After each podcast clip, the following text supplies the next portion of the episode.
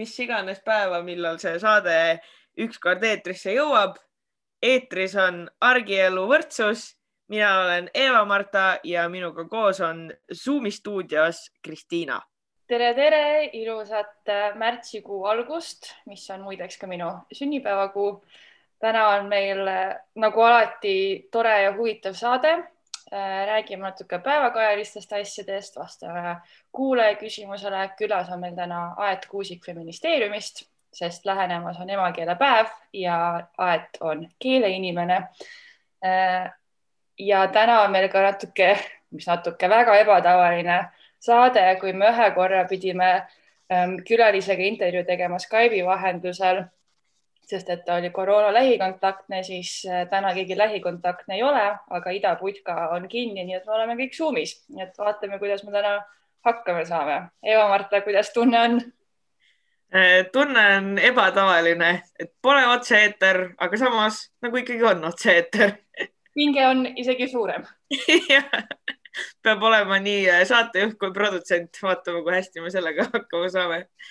saame hakkama. saame Äh, millest me täna alustame äh,? alustame nagu ikka päevakajaliste teemadega ja kõigepealt räägime sellisest põnevast asjast nagu vikerkaare kangelase valimine äh,. kes ei tea, äh, siis vikerkaare kangelane on inimene, kollektiiv või organisatsioon, kes on oma sõnade ja tegudega Eesti LGBT inimeste elu edendanud ja kogukonna eest seisnud Äh, ehk siis lühidalt öeldes, see on selline auhind või ma ei tea, autasu, mida ühing annab välja iga aasta inimestele, kes on LGBT kogukonna jaoks midagi head ära teinud. selleks, et, et me leiaksime neid vikerkaare kangelasi, saab igaüks meie Facebooki või kodulehekülje kaudu esitada oma kandidaadi Vikerkaare kangelase tiitlile. Eh, ehk siis inimesed esitavad kandidaate ja ühingu koostatud tiim valib nende kandidaatide hulgast välja laureaadid, eh, kes meie ja LGBT inimeste meelest väärivad siis Vikerkaare kangelase nime. seal on päris mitu erinevat kategooriat. kiirelt neid ette lugedes on akadeemiline ja teadustegevus äri ja ettevõtlus, eetika, moraal ja religioon, haridus ja noorsootöö, kultuur, meedia, kampaania, teavitustöö, poliitika, seadusloome ja valitsus, vaimne tervis, meditsiin ja oma hääl ehk kogukond iseendast. ehk siis äh, erinevaid kategooriaid, äh, mis loodetavasti peaks hõlmama umbes kõik inimesed, kes midagi head meie kogukonna jaoks teevad. kui sul tuli selle, seda nimekirja kuulates mõni inimene niimoodi kohe vaimusilmas ette, siis äh, mine meie koduleheküljele või Facebooki ja esitada Vikerkaare kangelase kandidaadiks. kandidaadi esitamise vorm siiski on leitav kodulehel. kodulehel. hetkel veel ei ole, aga sinna tuleb mingi hetk ka postitusi mm nii et seda infot ilmub jooksvalt kindlasti, aga püsivalt leiad selle lgbt.ee kaldkriips Vikerkaare kangelane ja sealt leiad ka eelmise aasta uudiseid, eelmise aasta võitjaid, üldse infot selle kohta, nii et äh, väga ootame ja esitada saab kandidaate kuni äh, aprilli lõpuni mm. -hmm. siis, kui seda Vikerkaare kangelase, kui see idee meil ühingus tuli, siis mina veel ühingus ei olnud, aga Kiku, sina olid ju selle protsessi juures, kas sa mäletad veel, kust selline idee üldse tuli või, või mik, miks, miks see selline märgis loodi? Nüüd panid mind küll sellisesse huvitavasse olukorda.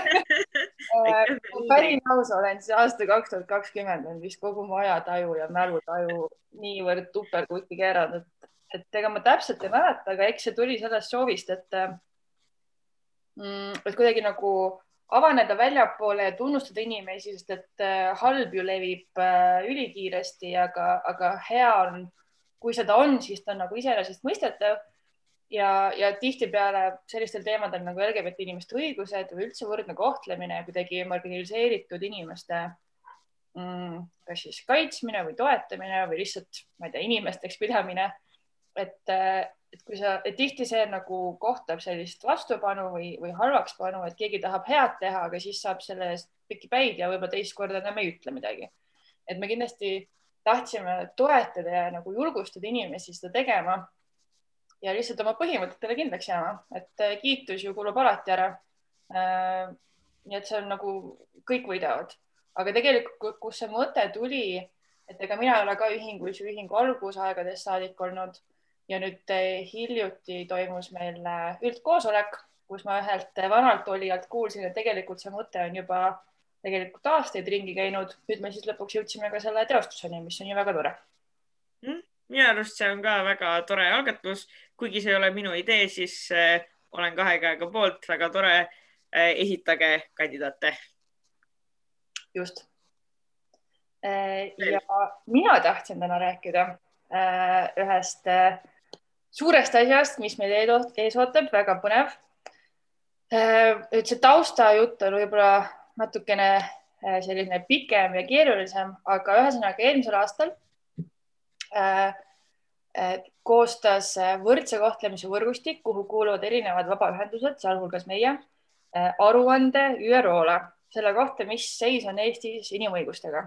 aruanne sai valmis, inimestega sai kohtutud äh,, isiklikke jutte kuulatud äh,, kogemusi jagatud äh,. see aruanne sai siis valmis ja esitatud ja nüüd äh, märtsikuus, märtsi lõpus äh, esineb meie, meie oma Aili, meie huvikaitseekspert Aili ÜRO-s täiesti rahvusvahelisel areenil ja räägib sellest äh, mis seis on LGBT inimeste õigustega Eestis, mis on täiesti fantastiline minu meelest.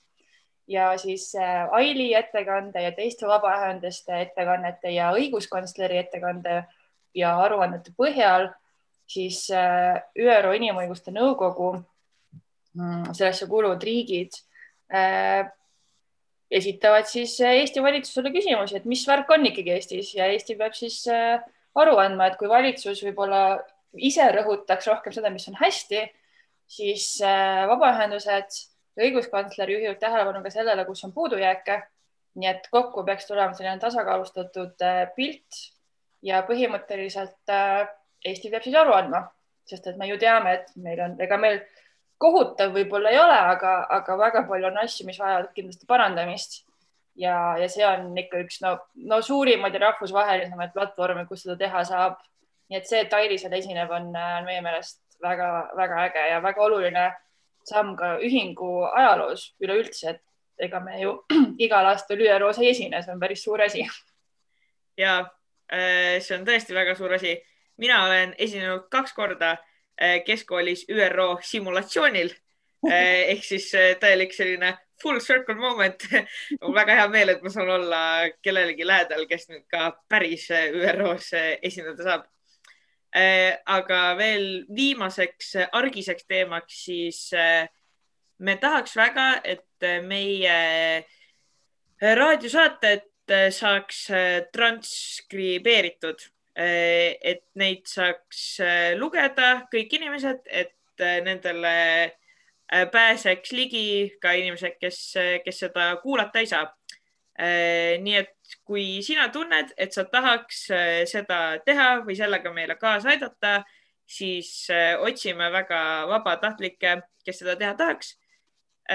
Kirjuta palun mulle evamarta.lgbt.ee või võta kuidagi Facebooki, Instagrami, ükskõik mille kaudu ühendust, kui sa tahaks seda teha.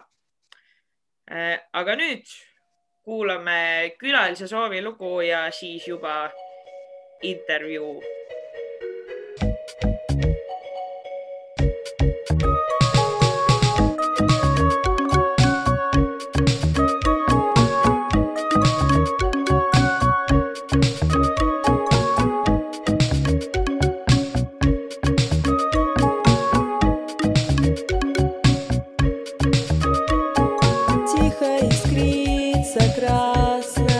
parte não. Né?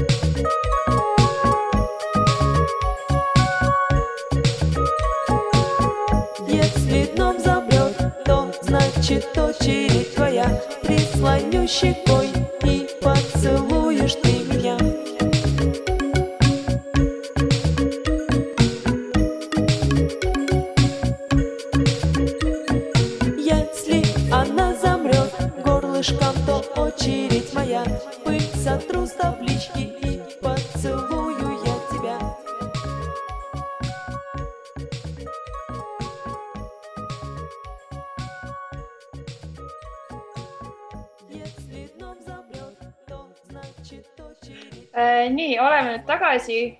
külas on meil Aet Kuusik. heal lapsel mitu nime, ta on keeletoimetaja, feministeeriumi toimetaja. kuulub ka LGBT kogukonda.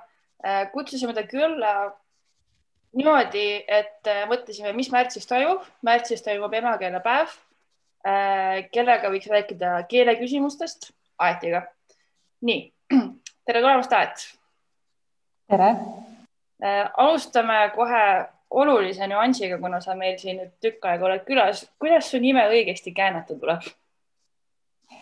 ma ise käänan nii nagu mu vanemad käänasid, aed, aedi, aeti, aga siin ei ole õiget ja valet äh, varianti või noh, vale, vale variant on see, mis kuidagi eh, ei lähe mingi tüüpsõnaga kokku.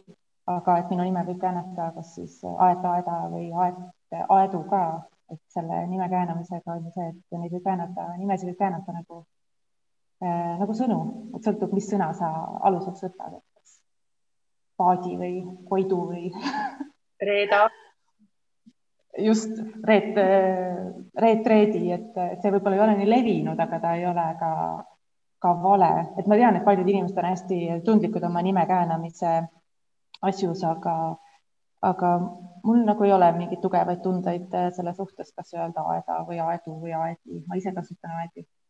väga huvitav, sest mul on kuulnud väga palju erinevaid variante, aga nüüd ma tean, et ka mina ei ole eksinud ei, sa ei ole eksinud. ähm,. aga lähme kohe suurte sisuliste küsimuste juurde, et äh, sa töötad igapäevaselt ju keelega, tekstidega peamiselt, kirjalike tekstidega ähm,. Miks keel üleüldse on oluline äh, näiteks sinu valdkonnas konkreetsemalt, aga võib-olla ka ühiskonnas laiemalt? jah, ma töötan keelega ja tekstidega, aga ma arvan, et ka sina töötad keele ja tekstidega, iga, igapäevaselt ja Eva-Marta samamoodi. et äh, me kõik tegelikult oleme keeleinimesed, sest et keel on, äh, ongi sellepärast oluline asi, et me kasutame lihtsalt keelt kogu aeg ja keel on eneseväljendamise vahend ja keel on ka, ka maailma peegeldamise vahend ja, ja keel on ka vahend, millega luua maailma. et, et minul on ju peas mitu mütsi või ma istun mitmel toolil või mis see kõige parem väljendus on, et ma töötan jah, feministeeriumis.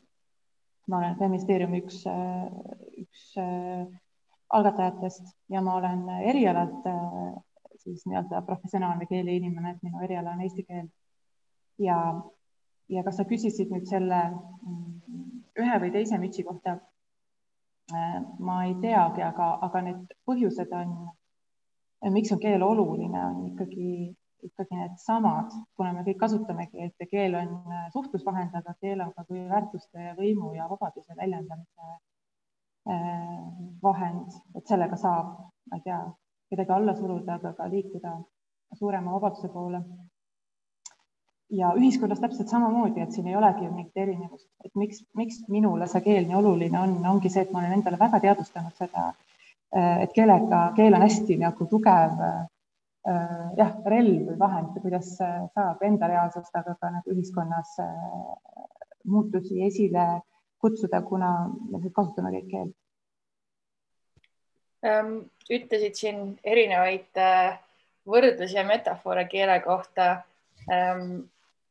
Kunagi sa ütlesid mulle, et keele toimetamine on ka sisu toimetamine, kas tähendab siis, et keeletoimetajal on äh, suur võim, mida see tähendab, et sa toimetad sisu? keeletoimetajal on suur võim ja ei ole ka, et see sõltub, kuidas keeletoimetaja ise seda tööd võtab või, või mida tal toodetakse.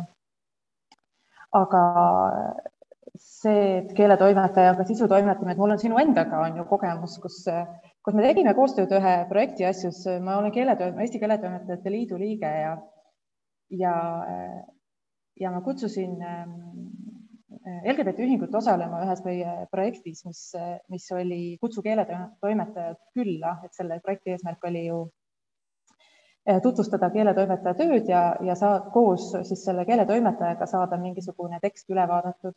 Ja siis kuidagi, kuidagi üks teine meie see eh, toimetajate liidu liige tahtis tulla, aga siis ütles, et ei, et, tahaks ikkagi nagu minuga koostööd teha, et, et meil on sisul, tekst on sisuline, aga kõik tekstid on ju sisulised.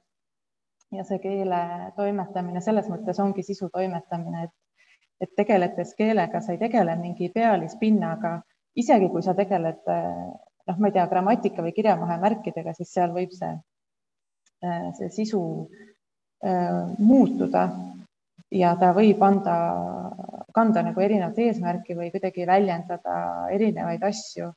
et ma ei tea, mulle õudselt hästi on sealt kuskilt äh, keskkoolist või ma ei mäleta isegi põhikoolist meelde jäänud see õpetaja nali, kuidas see üks koma päästab elu või siis ei päästa elu, et äh, äh kuidas see lause käiski? vist äh,, vist üles puua. üles, üles puua, mitte koma säästa või ja. üles puua koma, mitte säästa, et see on ju noh, see on ju lihtsalt suurepärane anekdoot selle kohta, kuidas siis ikkagi see keele toimetamine ehk siis see stereotüüp, mis on võib-olla keeletoimetajast, et ta käib ja paneb komas ja ütleb, mis on õige ja vale. et see tegelikult on ju väga sisuline asi. aga, aga kuna hästi või noh, minu meelest on ikkagi paljudes kontekstides on väga keeruline vahet teha, kust läheb keelega tegelemine ja kust läheb sisuga tegelemine, siis, siis minu jaoks ongi sellist, sellist ametit nagu keeletoimetaja ei eksisteeri, kuigi mina olen õppinud keeletoimetajaks. et siin on see paradoks, et, et siin on lihtsalt mingid rõhuasetused võivad erinevad olla, et kui ma ka võtan äh, teksti, ütleme teksti vastu, mis, mis ei ole minu, minu igapäevatööga seotud või ministeeriumi tööga, et, et võib-olla mm, jah, on tegemist mingisuguse alaga, mida ma ei tunne nii hästi, siis ma pean mingi tasemeni ikkagi ennast sellega kurssi viima, et ma saaksin aru, mida ma selle selle tekstiga teen. et selles mõttes on alati keele toimetamine ka sisu toimetamine, lihtsalt jah, need rõhud on erinevad, et kas eesmärk jah, et kui, kuivõrd äh, sa tegeled selle mingi konkreetse eriala pisidetailidega või siis sa tegeled selle mõtte kuidagi silu, silumisega selgemaks. aga, aga keel ikkagi kannab ju sisu. ja sa ütlesid, et keeletoimetamine ei ole ainult komade panemine, et kas on veel mingisuguseid väärarusaamu, mida võiks kummutada keeletoimetamise ja keeletoimetajate kui inimeste kohta? See sõltub nii palju ikkagi nendest toimetajatest ka, aga võib-olla mingid põhimõtted, mida mina järgin, on minul, minul ei ole harjumust või eesmärki olla keelepolitsei, et öelda, et see on õige või see on vale. et see lihtsalt, politsei mängimine lihtsalt ei, ei ole üldse huvitav ja sellel on kuidagi selline, selline maik juures, et et kuidagi jagada selliseks õigeks ja valeks või paremaks äh, ja halvemaks inimeseks, kui sa kuidagi midagi valesti ütled. et selle keele toimetamise eesmärk ei ole väljendada õiget ja valet, vaid ikkagi toetada autorit ja toetada seda, toetada seda eesmärki, mis selle tekstiga on soovitud äh, äh, edasi anda, et see võib-olla see üks eesmärk või üks stereotüüp on tõesti see, et toimetaja tahab öelda, mis on õige ja vale ja tegelikult õss ju ütleb, õss on ju selle kirjakeele standard, et selle järgi võib muidugi öelda, et, et mingid asjad on õiged ja valed, aga, aga äh, tegelikult on toimetamise eesmärk ikkagi just olla selle autori kõige parem sõber selle teksti avaldamise juures. Äh, esitada küsimusi teksti kohta, kas midagi on ebaselgeks jäänud, kas midagi on mitmeti mõistetav, äkki selle teksti eesmärk ongi olla mitte, mitmeti mõistetav ja ebaselge, et siis toimetaja võib ka, ma arvan, selles aidata äh,. aga äh, jah, et selle toimetaja, toimetaja ei ole selline, selline inimene, keda peaks kartma, et äkki ta ei äh, lase teksti läbi või äkki ta tegutseb kuidagi oma maitse kohaselt et see, ma arvan, et toimetaja peaks ikkagi suutma kõik parandused, absoluutselt kõik parandused ära põhjendada, et miks need on just seda eesmärki silmas pidades vajalikud. Ähm, sa oled muidugi palju erinevaid tekste toimetanud ehk siis neid toetanud, mitte õigeks parandanud. Äh, kas sul on ka... jah, autorit toetanud jah ja,. kas sul on ka mõni lemmiktekst, mida oli näiteks kas lust toimetada või mille üle sa ise uhke oled? Tead, ma, mulle väga-väga meeldib mu töö feministeeriumis, äh, sest et need, äh, ma olen väga rõõmus nende tekstide üle, mis, äh, mis meile tulevad ja see on kõige paremas mõttes ikkagi sisuga tegelemine. noh, ma ju kirjutan ise ka ja keeletoimetajad harilikult on inimesed, kes ikkagi suudavad ju ise ka kirjutada. et, et seal on see hästi tasakaalus, et ma saan ise kirjutada, ma saan autoritega hästi lähedalt koostööd teha aga mul on olnud muidugi veel tekste, raamatuid ja mm, mind, kuna kunagi ma ju lõpetasin äh, kooli või sain magistrikraadi äh, ühe LGBT või jah, queer näituse teksti kataloogi toimetamisest. see oli kahe tuhande üheteistkümnendal aastal see sõnastamata lood, mis oli uh mhm. äh, -huh. kunstihoones hästi suur LGBT näitus, esimene Eestis et ma toimetasin magistritööna selle, selle kunstinäituse kataloogi ja ma mäletan, et see oli nagu kõige raskem töö, mis ma olin üldse teinud, sest et mul ei olnud nagu eriti millelgi, millelegi sellel ajal toetada, toetuda mingitele materjalidele. et kuidas oleks parem öelda ja, ja mida oleks vältida, et hästi-hästi palju sai juurde loetud, hästi palju sai nagu vaieldud ja arutatud. aga ma hiljuti või noh, tegelikult see oli juba eelmisel suvel, toimetasin ühe hästi toreda raamatu, ühe tõlkeraamatu, see on see Emily Nagoski raamat Come as you are, et eesti keelde see pealkiri tõlgiti kui Leia oma hirm. et see on selline äh, ladusas keeles kirjutatud teaduslik ülevaade seksuaalsuse toimimisest, et see oli hästi-hästi äge äh,, äge asi, mida toimetada, see ei ole veel ilmunud, ma vaatan praegu, et siin kodulehel on juures ilmumisel, aga ta peaks jah valmis tulema. seda, seda tööd mulle väga meeldis teha. siit tuleb ühtlasi ka mitu äh, lugemissoovitust siis ja siis praegu tuli mulle meelde jah, see Come as you are, et ma olen tegelikult toimetanud veel ühte raamatut, mille nimi või pealkiri on Come as you are, et ma olen kirjutanud, toimetanud äh, äh, Nirvana mm, siis selle liidri Kurt Cobaini eluloo raamatut, mille pealkiri oli ka Come as you are see oli ka esimene, pähe tuli kohe see laul. jah.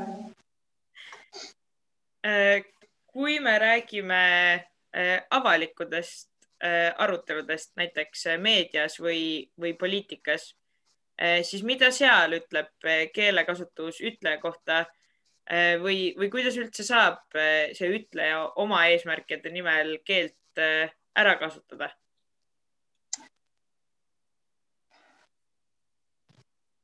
Keelt saab kasutada väga-väga operatiivselt ja me ju oleme ka, kõik me siin selles saates praegu ju oleme ju olnud tunnistajaks, kuidas keelt saab väga vägivaldselt kasutada. ja, ja keelt saab nii-öelda kasutada ka, ka vabastavalt või positiivselt, isegi kui sa tõesti võib-olla ei, ei ole kõikide terminitega, terminite tähendusega kodus või või ei, ma ei tea, ei oska kõike korrektselt välja, väljendada, siis ikkagi see eesmärk või soov äh, mitte teisi inimesi alla suruda, see ju paistab keelekasutusest äh, hästi välja. et äh, minu jaoks on hästi nagu kummaline olnud, olnud jälgida mm, sõnapaari traditsiooniline perekond kuidagi sellist kujunemist Eesti meedias, et see on lihtsalt ju kaks sõna, traditsiooniline perekond, et mis siis sellest halba saab olla, kui mingi pere on, perekond on traditsiooniline, aga ta on selline kodeeritud keel, eh, mille kasutamisega ikkagi sageli tahetakse öelda, et eh, mingit teatud peretüüp ja selle, seda sõnapaari kasutades ka soovitakse all, sageli alla suruda LGBT inimesi. et eh, et keel, keel, noh, variante ju keeles on palju, et saab olla otseselt vägivaldne, väljendada viha, vihkamist, kasutades teatud sõnu, mm, äh, mis on juba peetud selliseks, mille, mille, mille suhtes on nagu otseselt olnud diskussioonid ühiskonnas, et, et neid võib-olla ei peaks kasutama. aga siis ajades oma õigust taga, et äkki, et noh, et need on neutraalsed ja, ja nende kasutamist tuleks jätkata. see on ju selline jah, selline kodeeritud keel, mis võib tunduda neutraalne, aga harilikult ei ole, siis on sellised kuidagi sellised vaiel, vaieldamatud väljendid, mis on sel-, mis on sageli teadvustamatud, aga millega väljendatakse ikkagi mingeid stereotüüpe näiteks naiste suhtes ja, ja nii edasi. ja keelekasutus saab olla ka tõesti selline sõbralik ja vabastav ja vägivallavaba et hästi palju näiteid saab ju tuua, kuidas räägitakse, ma ei räägi ainult äh, LGBT inimestest või naistest, et kuidas äh, räägitakse näiteks loomadest või kuidas äh, loomade kaudu alandatakse noh, ma ei tea, loll nagu lammas või midagi sellist. et mida sa siis räägid sellest, kuidas inimesed loomadesse või ma ei tea, lammastesse suhtuvad. ja, ja sellised noh, palju kasutatakse ka äh, haigusi või äh,, või jah, vaimse tervise seisundeid millegi halva äh, nimetamiseks äh,. et neid variante, kuidas, kuidas, kuidas keelt kasutatakse kellegi allasurumiseks, on nagu väga-väga palju. ja noh, näiteks selles koroonaviiruse kontekstis meil ju äh, alguses eriti räägiti Hiina viirusest ja Äh, Hiina, Hiina kui midagi väga halba. et, äh, et need asjad on võib-olla sellised, alati ei paista nad äh, kohe silma, aga. haigustega on läbi ajaloo niimoodi olnud, et haigusele pannakse ikka selle naabri nimi, kellega sul kõige suurem vastuseis on, noh mm -hmm. prantsuse haigus sakslastel ja briti haigus prantslastel ja nii edasi mm. -hmm aga kui, kui on olemas nii palju erinevaid viise keelt kasutada ja noh, et keelel on nii palju erinevaid mõjusid. kas siis üldse on olemas selline asi nagu korrektne keelekasutus või, või, või mis see siis on? minu meelest, mina, mina jah, esindan võib-olla seda koolkonda, kes arvab, et keel ei saa olla korrektne ja keel ei saa ka olla vale ja keel ei ole neutraalne, sest lihtsalt keel ei toimi niimoodi.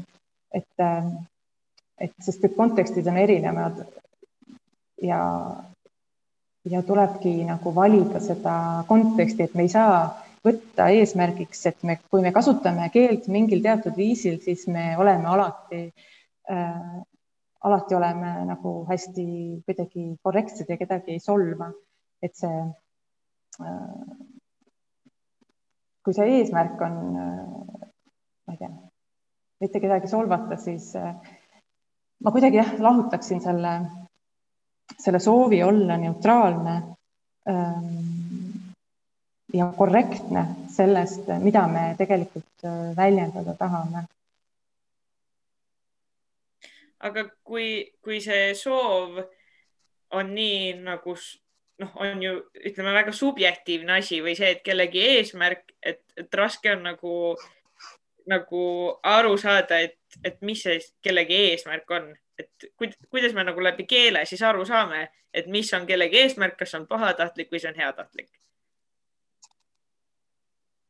jah, see on hea küsimus, aga keel väljendabki ju sisu, et, et kui inimene on, ma ei tea, kursis näiteks mingit vähemust puudutava sõnavaraga, võtab arvesse, kuidas ta, kuidas ta, kuidas jah, näiteks sellesse vähemuskogukonda kasutavad inimesed ise keelt kasutavad, et siis, siis sealt annab ju välja lugeda sellist positiivset, sõbralikku äh, suhtumist, et mingite selliste asjade järgi ehk saabki. Kui keegi aja, aja, annab või ajab oma õigust taga, rääkida nii, nagu tema tahab ja ma ei tea, ei taha kedagi teist kuulda võtta, siis, siis sealt ju on raske sõbralikult välja lugeda. jah, eks üks asi on ka see, mida sa juba tead ja kuidas sa seda oma keeles peegeldad, aga teine asi on ka see, kuidas sa reageerid sellele, kui sulle mingit uut infot antakse. et ähm, kui keel on nii, äh, nii võimas ja nagu nii, ütleme siis sisu peegeldav, siis äh, kuidas te feministeeriumis olete selle enda jaoks mõtestanud, kuna see on ju peamiselt tekstipõhine platvorm. ilmselgelt on keel teie jaoks oluline. Kas te olete seda kuidagi ka mõtestanud, et mis, äh, mis mõju teie keelekasutusel on? me hästi palju räägime omavahel, no mina ja Kadi Viik põhiliselt, kes me töötame toimetajatena eesti, nagu eesti keele peal Ähm, sellest, mida me ikkagi öelda tahame ja kas siin kontekstis on see väljend kõige parem.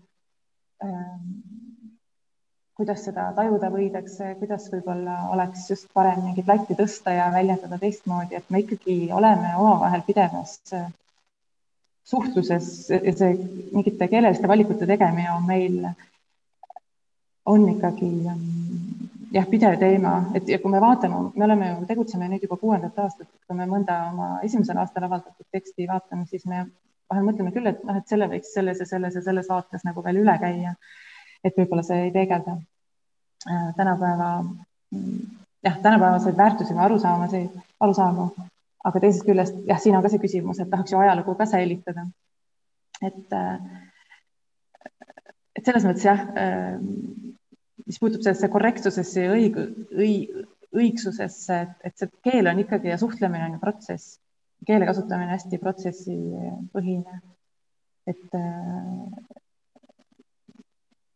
jah, ma isegi kirjutasin oma esimesed artiklid oma nii-öelda oma isikliku lärkamise ajal ka feministeeriumisse, ma olen neid ka üle käinud, et midagi kohutavat ma selle leidnud. Üks äh, mitmeti tõlgendatav koht oli, mille Eva-Marte vist välja tõi, aga siis ma suutsin selle ära õigustada aga jah, ma olen nagu ka mõelnud, et oh, täna, täna ikka kirjutaks teistmoodi, aga see oligi, see oli mu esimene LGBT teemaline artikkel umbes mingi paar kuud pärast seda, kui ma ise avastasin, et ma hetero ei ole, no mida ma tahan, eks ole, isegi hästi selle kohta.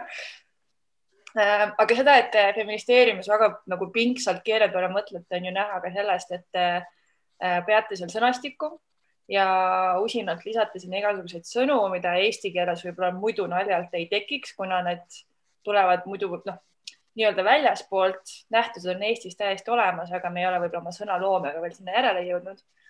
näiteks äh, olete loodud sõnad nagu suutmissurve, gaasi keeramine, libustamine, viimati nägin keha häbistamist. Äh, kuidas ühe sõna loomine käib eesti keeles, vähemalt äh, teil?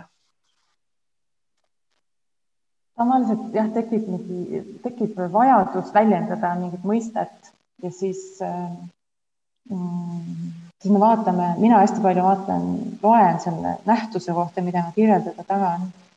ja, ja proovin pakkuda mingisuguseid äh, võimalikke eestikeelseid vastuseid. vahel me oleme ka äh, küsinud oma lugejatelt või korraldanud selliseid äh, sõnause taolisi asju enda Facebooki kommentaariumis, et mis võiks kõige parem olla eestikeelne vaste.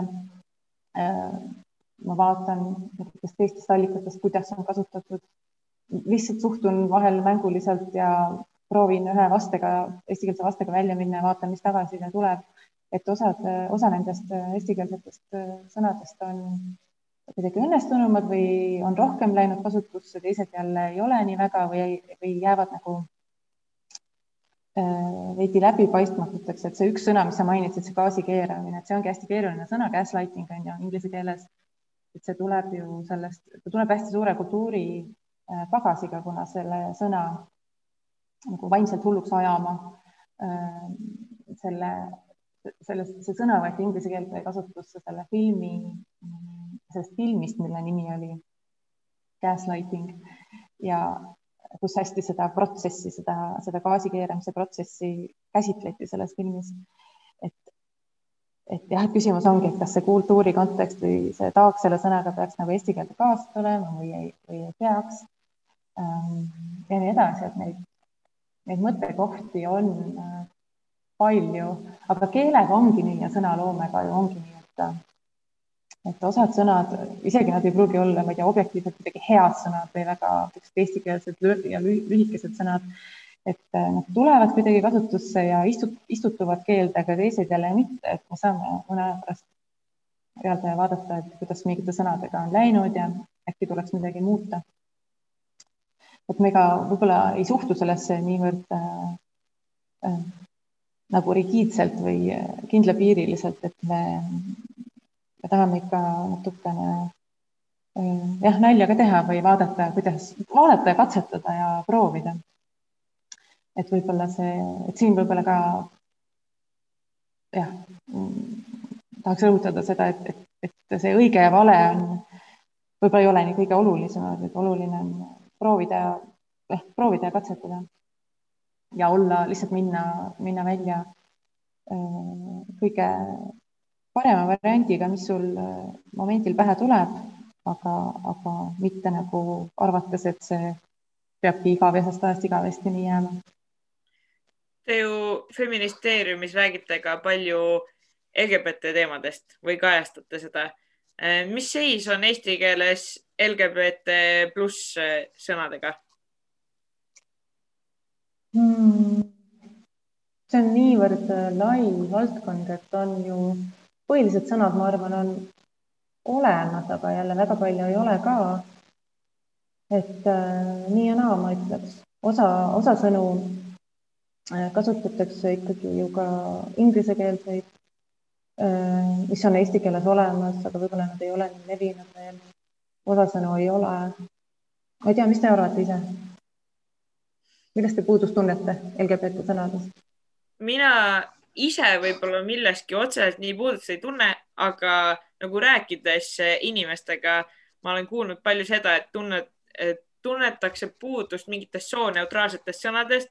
Näiteks, et sa ei saa äh, õde või vend öelda sooneutraalselt, näiteks mittepinaarsetel inimestel on see probleem, et, äh, et, et ei ole nagu sellist sooneutraalset, ütleme nagu inglise keeles on sibling, sellist sõna, et mingid tegelikult eesti keeles on see sõna olemas, see on õved mm,.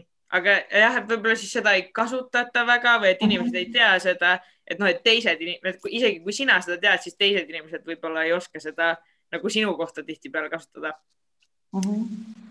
Ja seda ma, ma olen ise ka märganud seda, et äh, mis puudutab äh, transsõnavara, et seal, seda kasutatakse hästi palju läbi jah, vaheldumisi võib-olla ingliskeelsete väljenditega mm, -hmm. mis puudutab sooga koha, kohanemist või üleminekut ja seal äh, korrigeerimist ja nii edasi, et seal on äh,, need ei ole jah, veel nii levinud äh,, levinud väljendid või sõnad eesti keeles, aga jah, et see, seda nagu, eks seda näitab äh, aeg või seda saab ise, ma ise olen, olen küll selle poolt, et eestikeelsed sõnad võiks olla mm. ja siis äh, Äh, kuidagi võiks püüda soodustada nende sõnade kasutamist ja vaadata lihtsalt, et kuidas, kuidas kas neid võetakse kasutusse ja kuidas ise kogukonna siseselt tunnetatakse, et kas on vaja neid või mitte? aga mingid sõnad on ju ka, mis, mis on tekkinud ja mida laialt kasutatakse, aga mis võib-olla kogukonna inimestele nii väga endale ei meeldi. näiteks väga hea näide sellest on sõna samasooline. seda kasutatakse väga palju meedias, see on nagu noh, mingi pall, mis on kuidagi kuskilt veerema läinud ja mul on niisugune tunne, et seda ei saa enam kätte. aga noh, mina näiteks ei kasutaks kunagi seda sõna ja mulle see sõna üldse ei meeldi. Kas sa äkki seletaksid keeleinimesena, miks see on halb sõna ja miks seda ei peaks kasutama? sest sõna samasooline ei ole ju halb sõna. ta on lihtsalt üks sõna, aga selle sõnaga on jah, natuke selline lugu, et ta on mingit oma elu hakanud elama ja inimesed, sealhulgas kõrged riigiametnikud ja ja muud tähtsad tegelased kasutavad äh, seda kuidagi naljakal viisil, et räägitakse samasoolisest inimesest, ainsusest ja samasoolisest abielust, justkui abielu oleks, abielul oleks äh, kuidagi sugu või, või midagi sellist, äh, et, et ta muudab jah, selle sõna, ma olen sinuga täiesti nõus, et see sõna muudab, muudab kuidagi selliseks alertseks või ärevaks, et jälle ma ei tea, nimetati kedagi samasooliseks inimeseks. Mm. et, ähm, et ähm, ja ta on, ta on selline omadussõna liide on see line, linetuletis, kui ma ei tea, rääkida nüüd äh, mingites keeleterminites, et ta võib-olla paneb ähm, liiga suure rõhu just selle, selle, sellele soole või siis tema partneri soole mingites kontekstides, kus see absoluutselt ei ole vajalik. et, et justkui selle inimese kõige suurem omadus mm, või selle paari kõige suurem ja kõige markantsem silmapaistvam omadus ongi see, see, et, et nad on samast soost. et siin võiks võib-olla proovida jah, vaheldada neid. See, see samasooline tuleb kuidagi nii automaatselt inimestele, et -hmm. täpselt, täpselt ei saa alati aru, mida siis nagu soovitud öelda või mida täpselt väljendada, et sellega on minu meelest selline segadus ja minul see seostub ka natuke sellise äh, jah, sellise tegevusega, et see on nagu tegija nimetus nagu, ma ei tea, seeneline või tööline, samasooline see ei ole ju seesama sugu, ei ole ju tegevus. no mõnedes äh, peades vist on. no just nimelt, just nimelt, et ta kuidagi juhib seda tähelepanu äh, eemale sellelt, mida tegelikult abieluvõrdsusega või siis äh, samast soost äh, äh, inimeste paari suhte võrdsusega, õigustega soovitakse, millele soovitakse tähelepanu juhtida. Mulle, mulle tundub, et seda ka inimesed, kes võib-olla noh, ei puutu teemaga igapäevaselt kokku, lihtsalt võtavad seda kui võrdusmärki sõnaga gei et, et kui enne öeldi gei abielu, nüüd ahah, okei okay,, enam ei tohi gei abielu öelda, järelikult on samasooliste abielu, siis ka kõik need inimesed on ju, kes on gei inimesed, on ka ju samasoolised inimesed. et, et, et kuidagi minu peas see on hästi ebaloogiline, kui ma loen nagu seda samasoolised inimesed, sest mul on kohe kellega samast soost nagu, et, et. et, et samasooline minu jaoks oleks nagu cis-sooline inimene. just, just, ma olen ka seal selle üle naernud, just. Ähm, äh, me natuke juba rääkisime sellest, et, et mis sõnadest eesti keeles äh, nagu puudus on või mis äh, inimesed, kes on LGBT kogukonnast, tunnevad, et on puudus. sina ise oled ka LGBT kogukonnast, sa oled mittebinaarne inimene, et kas sa tunned, et sina oma identiteeti saad eesti keeles hästi väljendada või kas sinu arust on, on millestki nagu selle kontekstis väga puudu? jah, mulle see sõna mittebinaarne nagu eesti keele toimetajana ka eriti ei meeldi aga mis oleks parem? Äh, ma ei tea, mis parem oleks, aga see mulle lihtsalt äh, kuidagi ei sobi see, see otsetõlge inglise keelest äh, mitte-eestlane, mittebinaarne, et mm. mina kasutan jah, mingeid teisi sõnu enda väljendamiseks, et ma kuidagi püüan oma positsiooni ühiskonnas äh, markeerida sõnaga nagu binaarsuse vaba või binaarsuse prii. et äh, see binaarsus võib olla, aga, aga see ei puutu minusse. et äh, jah, see mit, mitteliide on selline kohmakas natuke minu jaoks. aga aga eesti keel on ju see noh, väga hea keel enda väljendamiseks, kui sa ei taha ennast äh, siduda äh, soo, soo, soopõhise sõnavaraga. et äh, ma arvan, et no mul oleks palju rohkem probleeme, kui, kui ma peaksin, ma ei tea, kasutama nagu saksa keeles enda kohta erinevat sõna sõltuvalt sellest, mis, mis soost, mis soost ma olen, et ma ei teagi, mis mu valikud siis oleksid aga. ja siis on see küsimus, kas sa tahad olla lauaga samast soost või uksega samast soost mm, aga noh, lihtsalt sellest eesti keele kohta ja feminismi kohta ja soolise võrdsuse kohta öeldakse ju ka palju, et Eestis ei ole seda probleemi, kuna grammatilisi sugusi äh, Äh, keeles ei ole, aga meil on väga suur probleem äh, šovinismi ja patriarhaalse maailmapildiga. et ühest küljest on eesti keelt mugav kasutada minu jaoks tõesti. ja aga, aga teisest küljest need probleemid on sellest hoolimata olemas ju ühiskonnas, kuigi meie keel on, keeles ei ole grammatilist sugu. Aga sina siis, äh, sina kui keeleinimene, kes võib-olla teab noh, rohkem kui keskmine äh, inimene, kuidas, kuidas keel toimib äh,, mis need keele nii-öelda nagu loogikad ja struktuurid on äh,. ja võib-olla sul on ka hea ülevaade sellest, et mis seis on äh, eesti keeles, ütleme LGBT sõnadega ja üleüldse selliste noh, oluliste sõnadega, mida eesti keeles võib-olla naljalt ei leia. Aga teisalt sa oled ka ise LGBT inimene, keda see nagu puudutab, kas need sõnad, mida meie kohta kasutatakse, on, on noh, sobivad või mitte, et mis oleks võib-olla paar sellist head äh, soovitust sinu poolt, mida silmas pidada, kui me loome uusi LGBT pluss sõnu? ma arvan ikkagi hästi oluline on see tegeliku kasutuse jälgimine. Äh, et mida inimesed kasutavad ja mitte mida ainult mina kasutan või, vaid äh, noh, sedasama mittepinaarsuse sõnaga on, ongi see, et ma see kuidagi minu, mina seda enda eneseväljendamiseks ei kasuta, aga ma ju aktsepteerin ja saan ole, aru, et see on olemas.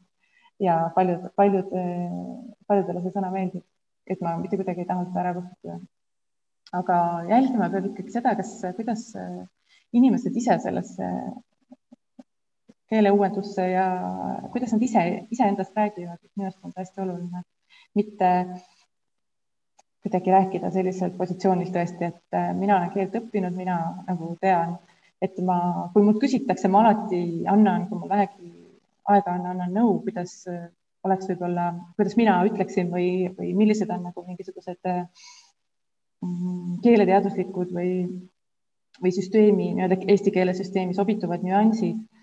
Aga, aga inimestel äh, peab endal olema mugav neid äh, sõnu ja väljendeid ja struktuure kasutada. suur aitäh sulle, Att, et sa olid täna meiega ja mõtlesid kaasa ja avardasid äh, ka meie maailmapilti äh, natuke, sest minu arust näiteks see, äh, mis rääkisid mitmebinaarsusest, on midagi, mille peale ma ise pole kunagi mõelnud, aga nagu väga huvitav uus nüanss. enne kui sa ära lähed, me teeme alati oma külalisega ka sellise kiire väikse mängu.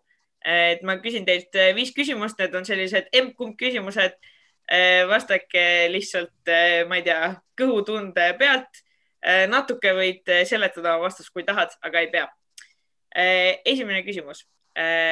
kas sa oskaksid pigem viite võõrkeelt enam-vähem suhtlustasandil või ühte võõrkeelt perfektselt? viite võõrkeelt. sama teine küsimus. kevadine päevatripp kas looduses või linnas? hallo, looduses looduses kas eile või üleeile ehm, kolmas, sa tahaksid õhtul filmi vaadata, aga ei tea, mida. kas ehm, sa teed ise taustauuringut, näiteks guugeldad top fifty Oscar winning movies of all time või siis äh, küsid sõbralt soovitust ma ei tea, kas Oscarid just see on, mida ma vaataksin, aga, aga mina küll pigem küsiksin, sest et ma olen räve snoob. mina ka küsiksin, et mul on äh, sõprade soovitused on väga niisugused head, kallid asjad, et äh, see, sellega tuleb ju midagi mu sõbralt ka kaasa. et mis talle meeldib, äkki meeldib mulle ka, ma saan võib-olla tema kohta midagi uut teada. ma küsin ja siis uurin ise tausta, kas ikka kõlbab mulle nõustun täiesti. Äh, kui sa peaksid ühe valima, kas sa pigem äh, loeksid elu lõpuni ainult oma keska kõige vihatumat kohustusliku kirjanduse raamatut või siis laseksid enda nime alt avaldada mingi väga halva raamatu? oo, tee. kui halva? no väga halva. kas ta on nagu halb kvaliteedi poolest või halb, et ta on nagu mingi eh,? mitte, mitte nagu solvav ja kellegi pihta kuidagi haavav, vaid lihtsalt nagu, nagu halb raamat ma võin, ma võtan, mina võtan selle halva raamatu oma nime alt. Ma nagu see, selle saab ühe korraga tehtud ja ma usun, et ma saan nende tagajärgedega hakkama, aga ma ei kavatse elu lõpuni mingisugust eh, halba kirjandust lugeda ja, ja ma võin uusi teedraamatuid peale kirjutada, mis mul nagunii võib-olla noh, see plaanis on ka onju, et see on fine, aga seitset venda ma ei taha elu sees mitte kunagi enam lugeda äh, viimane küsimus. Äh, kumb sind muusikas äh, rohkem puudutab, kas sõnad või meloodia? meloodia. Ma pean ütlema ka meloodia.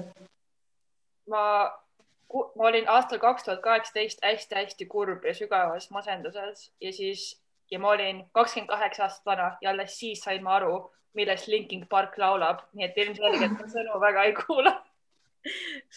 kuule, mul, mul on, mul on samasugused kogemused, ma käin trennis ja dancehallis ja seal me kuuleme hästi palju jah, sellist jah, dancehalli muusikat ja reget ja mingit sellist värki ja ja vahel ja noh, dancehall on selline väga ütleme, väga seksuaalselt laetud muusika on seal sageli ja, ja laulud on kõik väga-väga head, mulle tohutult muusika meeldib, aga sõnad ja, ja ei jah, vahepeal on parem, kui sõnadest aru ei saa äh, suur aitäh sulle, äh, Aet, veel kord, et sa tulid. Äh, ja nüüd kuulame Kiku soovilugu. Kiku, kas sa tahad seda kuidagi sisse juhatada? Äh, kuna me Aetiga rääkisime siin pikalt keelest ja ka mina olen keeleinimene, töötan võib palju tekstide ja värkidega, siis äh, mina mõtlesin, et valin keeleteemalisse saatesse venekeelse loo, sellepärast et ma tegelikult olen poolvenelane, aga saadet ma vene keeles ei tee. nii et mõtlesin, et äh, esindan siis oma teist poolt ja see on bänd Short Paris, Pariis, ma ei tea, kuidas seda õigesti hääldada Äh, laulu nimi on Strašna ja see on tegelikult väga huvitav bänd, sest nad teevad ka sellist äh, ühiskonnakriitilist muusikat.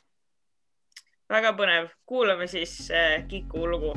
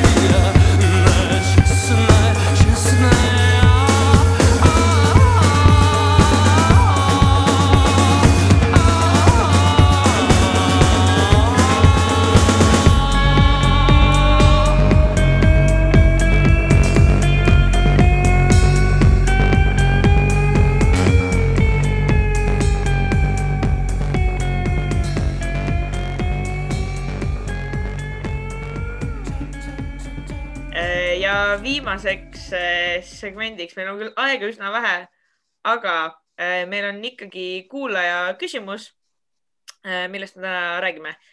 tänane küsimus kõlab nii. kuidas mõjutab meid tänapäeval see, et LGBT ajalugu ja LGBT inimesed ajaloos on nähtamatud? no minul tekkis kohe selle küsimusega seoses üks mõte aetit, aetit kuulamas äh, Ku,. Äh, ta ütles, et ta toimetas seda Eesti esimest LGBT näituse teksti ja aasta oli kaks tuhat üksteist ja mõtlesin, see on ju ka osa ajaloost, et mis ei ole palju valdkondi, kus keeletoimetaja saab oma tööga nagu niivõrd suurt tükki ajaloost nagu luua oma silme ees, et see on tegelikult ju väga huvitav, aga see ka näitab, et kui aastal kaks tuhat üksteist alles esimest korda selline asi toimus, et siis kui vähe me tegelikult oma ajaloo uurimisega oleme saanud tegeleda mm. -hmm. minu arust nagu selle kõige suurem mõju tänapäeval on ju see, et, eh, et erinevatest allikatest eh, kõlavad tihti laused nagu LGBT on mingi uus Euroopa ideoloogia bla,, blablabla. Eh, ja see ju suuresti tuleb sellest, et, et LGBT inimeste ajalugu ja LGBT inimeste ajaloos et neid nagu ei oleks olnud kunagi, et nendest ei kirjutata, et neid ei ole õpikutes, et nendest LGBT äh, ajaloo siis nagu sündmustest ei räägita ja noh, niimoodi võibki väga lihtsasti jääda ju see mulje, nagu see oleks mingi uus asi, mis on kuidagi just äh, tulnud pilti või LGBT inimesed on alles nagu tekkinud, et neid pole kunagi olnud. et kui meil oleks paremad äh, ajalooallikad või ajaloo kontekstis me räägiks rohkem LGBT teemadest, siis ma arvan, et ka väga palju raskem oleks teha seda argumenti, et see on mingi tänapäeva ideoloogia. jah, sest et noh, ma ei tea, kirjandust näiteks õppides või ajalugu õppides või mis iganes, kus sa räägid mingitest inimestest, kes on kunagi elanud midagi teinud, et tõesti iga kord ei pea mainima nende orientatsiooni mm. või kas nad olid cis või trans või mis iganes, aga aga kui noh, kui inimene kuuleb, ahah, oli mingi kirjanik, ta tegi siukseid asju, siis ta ikka kujutab ette, et okei okay,, et teda kujutatakse kui meest, järelikult ta oli ilmselt siis mees, järelikult ilmselt ta oli hetero, järelikult ilmselt ta mingi sebis naistega bla,, blablabla, isegi kui ta oli vallaline. et sa lihtsalt, inimene kujutab ette seda, mis on nagu noh, selline ütleme levinud norm või mis on nagu oodatud, et see ei pea isegi pahatahtlik olema, vaid lihtsalt ei pruugi tulla selle peale, et meie ümber olla rohkem mitmekesisust läbi ajaloo, kui me tegelikult teame mm. -hmm. et see kuidagi jah, nagu moonutab seda ajalugu nagu mingis äh, äh,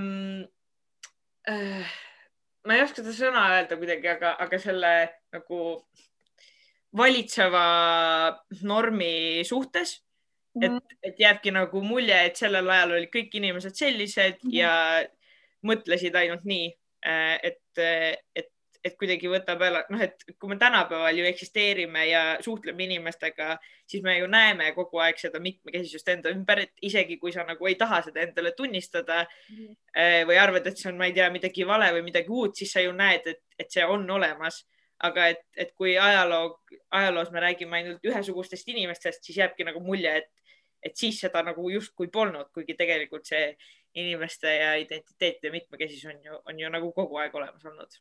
ja see on kahe otsaga, et üks asi on see, kui sa lihtsalt ei räägi nendest, siis nagu justkui noh, vaikimisi eeldused on see, et kõik on ühesugused, aga teine on see, kui mingeid allikaid või noh, isegi inimesi konkreetselt hävitatakse äh, noh, alates mingite raamatute põletamisest äh, Saksamaal, mis oli vist kolmekümnendatel või kui oligi noh, oli mingi asutus, mis uuriski nagu LGBT inimesi, nende vajadusi, nende olemust ja siis need raamatud lihtsalt põletati ära ja siis pärast seda muidugi saadeti ka need inimesed ise hävitamisele põhimõtteliselt mm. -hmm et meil pole ei allikaid ega inimesi, kes oskaks rääkida väga või need inimesed, kes oskaks rääkida, ei julge rääkida, sest nad on üle elanud aja, kus nad oleks saanud karistada selle eest.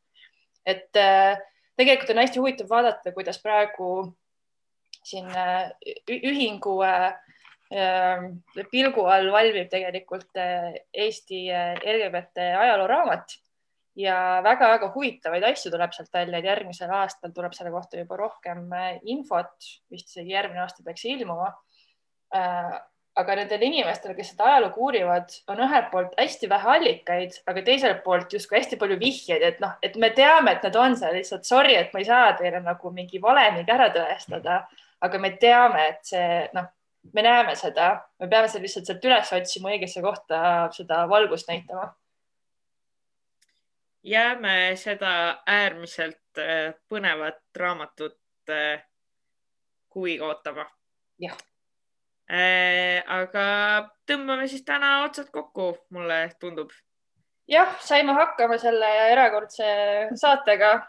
kohtume taas kahekümne üheksandal märtsil, minu sünnipäeval. Tehke mulle sünnipäevakingitus ja hoidke kõik ennast ja teisi, et me saaksime minu sünnipäeval stuudios salvestada. Äh, ei tahaks näha oma sünnipäeval seda kõverat äh, tõusmas, tahaks seda näha langemas. aga lõpetuseks, Eva-Marti, sinu soovilugu ja minu soovilugu on täna Sven Grünbergi pall. väga huvitav, et meil siin Eh, saates, mis eh, räägib eh, suuresti eesti keelest, polegi lõpuks ühtegi eestikeelset lugu, sest et see on selline lugu, mis ei olegi mitte üheski keeles.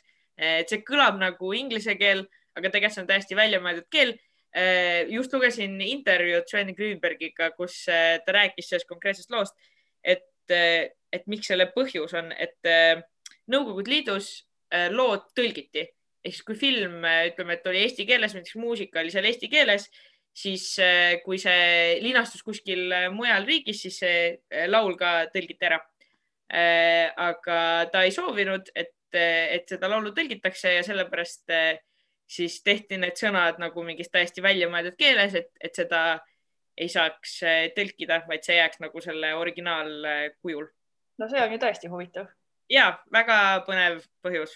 igatahes kuulame seda lugu ja kohtume jälle kahekümne üheksandal märtsil. tšau. tšau.